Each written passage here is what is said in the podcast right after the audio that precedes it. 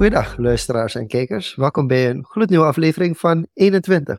Er is een bekend gezegde. Er zijn maar twee dingen in de wereld echt schaars. Tijd en bitcoin. Deze aflevering van 21 is mogelijk gemaakt door AuroX. AuroX is een fintech-platform voor Latijns-Amerika en het Caribisch gebied. AuroX biedt de gemiddelde persoon de mogelijkheid om bitcoin en tether te verhandelen. Ga naar aurox.io om meer te weten. Nogmaals, o-u-r-o-x.io. aurox.io. Vandaar dat we het vandaag gaan hebben over de schaarste van bitcoin. Diego, wat betekent schaarste van bitcoin voor jou? Nee, alvorens we praten over de schaarste van bitcoin, denk ik dat het belangrijk is om eerst te snappen van wat schaarste is en eigenlijk hoe dat een rol speelt bij het verhandelen, bij transacties doen. Als we kijken naar de historie van geld eigenlijk, hoe men vroeger handelde, had je eigenlijk een bartersysteem. Je ruilde koeien voor wat fruit, afhankelijk van wat men nodig had. En dan ga je eigenlijk kijken van, hey, die heeft zoveel koeien of die heeft zoveel um, vis. Uh, wat is er meer in? Wat is schaarser? Dus uh, misschien is er weinig vis, dus dat is, heeft dat meer waarde. Maar uiteindelijk dat werd allemaal te gecompliceerd, omdat je geen bepaalde waarde kan toevoegen aan een bepaald commodities, uh, om zo te zeggen. En zo is dat gaan ontwikkelen eigenlijk in een universele medium. Dus er zijn heeft verschillende vormen gehad uh, om te handelen. En een van de bekendste vormen is natuurlijk goud. Uh, als we kijken naar de historie. Goud was heel zeldzaam en moeilijker te vinden. Zilver is een andere, maar goud had een perceptief hogere waarde, omdat dat ook veel moeilijker was. Uh, en misschien ook mooier, dat weet ik niet zeker, maar het gaat om de schaarste. En toen je dat kreeg, handelden mensen met eigenlijk een universeel middel. En over de jaren heen kreeg je munten, uh, je had het Romeinse Rijk, en dan dat ze eigenlijk die munten dan ook zich gaan mengen, omdat, ze meer wilden creëren in circulatie. En zodoende creëer, creëer je ook wat eigenlijk meer supply en inflatie, waar we het ook over zal hebben. Maar om terug te komen op de hedendaagse schaarste van Bitcoin, als we dit parallel leggen met eigenlijk goud. Uh, goud was de standaard van vroeger en het was moeilijk te vinden of te krijgen, of je moest er heel hard voor werken, de, het mijnen. En eigenlijk zou ik zeggen dat Bitcoin nog schaarser is dan goud, omdat goud er komt steeds meer in circulatie en mocht er zijn dat er een meteoriet valt, er komen uit, het, uit het uh, meer edelmetalen op aarde, krijg je ook weer um, eigenlijk een supply increase van het totale goud dat op aarde zou zijn. Maar de bitcoin is op die 21 miljoen gezet, zoals Maya zei. En daaraan kan je niet gaan. En hoe schaarser iets is in principe, hoe meer waarde aan uh, wordt toegekend afhankelijk van hoeveel vraag er naartoe is. Dus als je um, de supply niet kan verhogen, maar de vraag wordt steeds hoger, wordt steeds hoger, wordt steeds hoger, wordt de toegekende waarde ook hoger. En dat, dat is dan het effect van schaarste. En dat hebben we ook gezien bij Bitcoin. Mag, ik erop inhaken? Um, dus, dus handelbaar uh, goederen, uh, dat was een beetje moeilijk destijds. Dus het was, uh, ik heb hier een lijstje staan hoor, ik lees het gewoon even op. Het geld was niet om op te eten, het mocht niet bederven. het werd niet gezien om. sorry hoor. Het is geen onderdeel van andere spullen. Dus het zou echt om goud, goud is goud. Dus het moet wel verdeelbaar zijn in kleinere delen. Nou, dat klinkt ook wel een beetje als Bitcoin, als ik het zo goed begrijp. Uh, het is lastig om te vernietigen. Ja, goud, dat is ook best wel moeilijk om uh, vanaf te komen. Uh, en het bewaart, uh, behoudt zijn waarde. Dat, dat is ook iets interessants. Dus één, één stukje goud is, is waard één stukje goud. Net zoals dat één bitcoin één bitcoin is. En het is ook in satoshis op te delen. Want 1 miljoen satoshis is één bitcoin. Toch? Klik maar ja of nee. dat snap je wel. Dus, dus dat is een, stukje digitaal goud, als ik het dan zo mag vormgeven. Maya, wil jij daar nog iets meer over vertellen? Ja, nou als je kijkt naar hoe Bitcoin um, eigenlijk ontstaat, of hoe het protocol wordt door miners onderhouden, door nodes onderhouden. Elke miner krijgt een reward, of elke blok geeft een reward uh, in Bitcoin. En dat is eigenlijk ook aan schaarste onderhevig, want dat wordt ook gewijzigd om de zoveel blocks. ehm, vindt er een halving van het, een halvering van het reward plaats die uh, miners ontvangen voor het verwerken van een blok. Dus je hebt uh, schaarste in de zin van um, naarmate het protocol of naarmate er meer bloks worden toegevoegd, wordt de hoeveelheid dat bitcoin wordt uitgekeerd minder. In het begin was het makkelijker om bitcoin te minen, omdat de, de difficulty, de moeilijkheidsgraad waarmee je um, een bitcoin kan minen, was aan het begin natuurlijk veel, um, het was veel makkelijker om bitcoin te minen in het begin dan het is nu. Er zijn daardoor ook veel meer bitcoin gemined toen dan nu. Weet je, nu, nu krijg je uh, 12,5 als reward per, uh, per blok. Om toch dat parallel met goud te hebben in het voorbeeld van Maya met die halvering van moeilijkheidsgraad. Stel je voor, je hebt een main met heel veel goud. Dus in het begin, iedereen meent, iedereen vindt goud. Iedereen is... zelfs op de banken gevonden, toch? Ja, met z'n ja, iedereen is, you know, uh, zit vol goud. Maar hoe dieper je in die main gaat, uh, hoe moeilijker het is om goud te vinden. Dus ja. over tijd, omdat uh, alle goud al eruit is gehaald, gaat dezelfde aantal participanten in het main harder moeten werken voor dat beetje goud dat daar is. En zo werkt het mining, uh, mining principe bij ja. Bitcoin ook. De moeilijkheidsgraad wordt steeds moeilijker. Interessant. Ik, uh, dus dus als, we, als we kijken nu naar zeg maar, hoe Bitcoin gemined wordt, er is eigenlijk ingebakken weer in die code een vorm van schaarste, zowel op de supply, op de, uh, het werk dat ervoor gedaan moet worden. Zijn er nog meer vormen van schaarste die ze daar hebben ingebakken? Dus nou, het, het feit dat, dat eigenlijk um, je alleen 21 miljoen ooit gaat hebben. En dat het moeilijkheidsgraad bepaalt hoeveel er nu als reward uh, uitkomt, gebaseerd op verschillende factoren. Hoe meer tijd voorbij gaat, des te moeilijker het wordt, des te schaarser het wordt ook. En natuurlijk ook, je moet bedenken, er zijn meer dan 21 miljoen miljonairs op aarde. Niet allemaal hebben één bitcoin zelf. Weet je, dus um, met hoe, groter het netwerk wordt, hoe meer gebruikers daarop komen, hoe meer bitcoin wordt gebruikt om voor uh, transacties te betalen of transacties te werken op het netwerk, hoe schaarser het wordt. Weet je, we zijn nu nog eigenlijk in, de in het begin van, van adoptie. En acht, meer dan 18 miljoen uh, bitcoins zijn al gemeen. Om toch te voegen, je vroeg welke andere schaarste is er nog. Niet per se in het protocol, maar er wordt ook een schaarste gecreëerd in de markt. Als we kijken naar hoeveel bitcoin al in circulatie is en hoeveel eigenlijk gebruikt wordt om transacties te doen. Als ik me niet vergis, laat, minimaal 50% van de bitcoin zit gewoon vast. Hè. Mensen, het heeft niet, uh, is niet naar een andere wallet gaan. De actual bitcoin in circulatie, in transacties, is maar een klein deel van het totaal. Dus daar heb je ook een schaarste gecreëerd vanuit de markt. Ja, want die wallet van Satoshi, daar staan de eerste bloks op. Hè? Die heeft best wel een uh, hele bubs gemijnd. Als je die nu verzilveren naar euro's of naar uh, dollars, dan, uh, dan zit je er ook wel comfortabel bij, heb ik begrepen. Heeft een beetje in het begin waarschijnlijk ongeveer een miljoen bitcoin gemijnd. Het is allemaal speculatief. we hebben het even snel moeten googlen, maar dat betekent dus dat dat is al een berg geld die nooit aangeraakt gaat worden. Dat, dat, dat is gewoon inherent aan het protocol.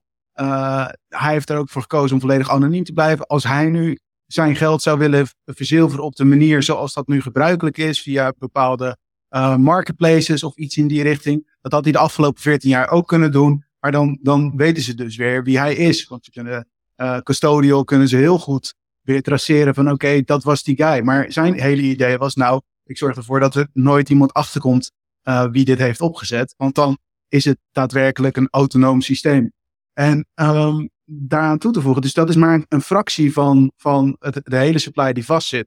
Ik heb, denk ik, in mijn uh, omgeving mensen waar ik het nooit van had verwacht. Ik denk een stuk of tien kan ik aanwijzen, die allemaal zeggen: Ja, ik heb destijds zoveel Bitcoin gemijnd en dat heb ik daar opgezet. En ik ben die, uh, die seed phrase kwijt. Ik kan me voorstellen dat heel veel mensen in de early days van Bitcoin uh, hiermee aan de slag zijn gegaan. Duizenden Bitcoins hebben gefarmd maar eigenlijk hun seed phrase al kwijt waren. Kwijt waren. Dus eigenlijk die twaalf, uh, twaalf woorden die, die ze over de grens hadden mee kunnen nemen. En, en je hoort ook natuurlijk de verhalen van die pizza. Hè? Uh, hoe, hoeveel hebben ze toen voor die pizza betaald in, uh, in bitcoin? Dat zijn waanzinnige bedragen. Hoeveel? 10.000 bitcoin. 10.000 bitcoin. Als je dat naar de huidige tijd overbrengt, ja, dat is waanzinnig om daarover te denken. Uh, dus die schaarste die, die, die is aanwezig. Er zijn hele grote transacties geweest, wat kleine dingetjes. Maya, wil jij daar nog iets aan toevoegen over schaarste? Ik zou graag die vergelijking willen maken met. Eigenlijk, want we zijn heel snel gegaan van goud naar bitcoin. Weet je, en hoe bitcoin schaars is. Het, en dat is heel simpel, 21 miljoen. Het gaat, that, that's all that will ever be mine. En um, ja, de hoeveelheid dat nu in de relatie is, natuurlijk. Maar we hebben wat ertussen zit niet besproken. Uh, de US dollar, het fiat systeem. Hoe dat, dat tot stand is gekomen. Um, het was eerst backed by gold. Het werd eer, eerst door de waarde, werd, de intrinsieke waarde van geld werd door goud um, onderbouwd. Kan je uitleggen hoe dat werkt, uh, Maya? Even voor mijn leerlingen te ver vermaak. Dus uh, nou, de overheid die zegt het is zoveel euro en wij hebben daar goud voor of zo? Of? Nou, een centrale bank heeft natuurlijk een reserve. En in dat reserve hebben ze, vroeger werd het hoeveelheid geld dat ze drukten, werd toen ge door zeg maar het geld, uh, het hoeveelheid goud dat ze in hun reserve hadden. In de, in de begin jaren tachtig um, is de dollar van het goudstandaard gehaald. En toen natuurlijk kon de Fed, want de Fed die drukt um, US dollars, de ECB die drukt euro's. En nu, of vanaf toen dan, zonder uh, goud in de reserves te hoeven hebben om te kunnen drukken. Dus um, de, de manier waarop, goud, uh, waarop geld functioneerde veranderde toen op een gegeven moment. Met ook als gevolg, um, los van het drukken van geld, natuurlijk had je ook geldcreatie en geldschepping bij de banken. Want uh, het fractional reserve systeem, daar zullen we dan straks verder op ingaan. Um, waardoor de waarde van geld niet meer vastzat. En dan kreeg je toen de 2008 crisis, waarna je dus bitcoin kreeg met een heel ander uh, monetair systeem dat deflationair is in plaats van inflationair. Um, ja, ik denk dat we nu even moeten, het, ja, moeten het, even het hebben over complex, de dollar. Super complex. Ja. Uh, wat, wat, wat het niet makkelijk maakt is, is zeg maar al die relaties tussen uh, geld en goud en hoe dat dan wordt uitgegeven. Want wat ik dus niet begrijp is, want we willen het eigenlijk hebben over, oké, hoe, hoe is dat veranderd? Hè? in het verleden was er dus uh, een bank die zei nou oké, ik, of ik heb een land eigenlijk, hè, een land die zei van nou, wij hebben in kas hebben we uh, zoveel goud, dat is ongeveer zoveel waard in, onze, in, in, ons handelsgeld. Mag ik het zo zeggen? Um, dus, dus Amerika zei nou oké, wij hebben in Fort Knox hebben we zoveel miljard goud fysiek liggen. En zoveel dollar mogen wij tegenover dat goud uitgeven. Zeg ik het dan goed, Maya? Je moet me even corrigeren en helpen hoor, want anders zeg ik het dadelijk verkeerd. Dit is mijn begrip ervan. Hè? En op, op basis van dat goud mogen ze dus x hoeveelheid uitgeven. Is, is, daar zit een factor tussen. En, en die factor, zeg maar? Nou, x hoeveelheid biljetten toch? En het is gebaseerd op een, een, een overheidsbegroting. En um, dus een centrale bank die controlled money supply in een land, zeg maar. En om uh, geld te, te, te issuen, dan, dan ga je geld drukken, geldschepping. En als je geld uit relatie wil halen, dan moet je geld dan zeg maar verbranden. Um, Maar de hoeveelheid geld dat gedrukt mag worden, dat bepaalt de centrale bank van dat land, zeg maar. Oké, okay. dus, dus zij, zij mogen aan de knoppen druk, uh, draaien, um, maar dat moet wel gebaseerd zijn op de hoeveelheid goud die ze fysiek hebben. En eigenlijk daarnaast mogen ze niet te veel veranderen in dat systeem. Is dat, is dat wat je bedoelt? Ik vind het echt super complex hoor. Dus sorry als het nee. overbom. Nee, nee, nee. Um, Diego heeft ook nog een, uh, een vraag. Dus, ja, dus, dus eigenlijk, um, er is niets dat ze belemmert van meer drukken. Er is meer geld gedrukt in de afgelopen twee jaren in US dollar dan de afgelopen... Oh, wacht. Dus dat goud, dat beperkte ze? Ja, dat goud, dat beperkte ze. En dus dat, dat was dus eigenlijk de limiting factor. En die hebben ze weggehaald? Helemaal weggehaald. En nu zijn ze dus vrij om te drukken eigenlijk hoeveel ze willen. En als je kijkt bijvoorbeeld nu naar... Uh, kijk naar de US dollar, right? Uh, laten we kijken naar de waarde van de US dollar. Wat bepaalt de waarde van de US dollar momenteel? Want het is geen goud meer. Dus nu heb je eigenlijk um, een dollar dat gebacked is door global trade. Want het is nog steeds de, de majority of trade eh, wereldwijd wordt gedaan in US dollar. Uh, olie, wordt ver, olie wordt verhandeld in US dollar. Um, door de spanningen in Oekraïne en, en Rusland zou je denken dat, dat uh, is er eigenlijk nu wat meer trade in andere currencies. Maar het was primair US dollar. En het macht van de Amerikaanse leger en het uh, Amerikaanse overheid natuurlijk. Dat that, that's all that's backing the dollar. Dus eigenlijk is er niets dat de dollar backt behalve het vertrouwen in, in de US dollar wat de wereld, de wereld of de massa momenteel heeft. Ja, dus voorheen hadden we allemaal vertrouwen in een geldsysteem. Toch? Dat, want er, was, er stond iets tegenover en er waren een soort van limieten aan. En toen hebben ze die limieten weggehaald. En toen dacht eigenlijk iedereen van hé, hey, dat is echt niet oké. want uh, dat, dat, dat zorgt ervoor dat staat en geld meer naar elkaar toe bewegen. En toen deden ze dat en toen zei de wereld eigenlijk van, ah, dat maakt ons niet zoveel uit. dat is wat er is gebeurd, toch? Maar dan om daar even op door te gaan. Want nu wordt het wat gecompliceerder. Landen kunnen geld bijdrukken. Dus de dollar, de euro, kan allemaal worden bijgedrukt. Bitcoin kan niet worden bijgedrukt. Het is een vast systeem, het is 21 miljoen. Dus er is daar een gigantische schaarste. Um, Bitcoin is ook niet aan een land of een geografisch gebied uh, verbonden. Met andere woorden, er is ook geen druk van die bevolking om het als handelsmiddel of als geld te gebruiken. Als we dan kijken naar de situatie waarbij er wordt gezegd dat uiteindelijk ook het doel is om met bitcoin te betalen, maar vanwege de schaarsheid wordt het meer gezien als een investering nu. Um, de vraag die ik heb is dus eigenlijk tweedelig. In, in, in welke mate leeft de gedachte, de oorspronkelijke gedachte nog, dat bitcoin het nieuwe geld is? En is dat een misplaatste verwachting? En de tweede vraag die ik heb, is een beetje een onderschatting geweest van hoe schaars bitcoin zou worden op termijn. Want als ik hoor hoeveel mensen, zeker de OG's die in het begin bezig waren, hoeveel wallets er al kwijtraken, hoeveel dingen daar al verloren zijn, maakt het eigenlijk, en dan ook nog een 1 miljoen van Satoshi die eigenlijk niet aangeraakt wordt, maakt het bitcoin des te schaarser.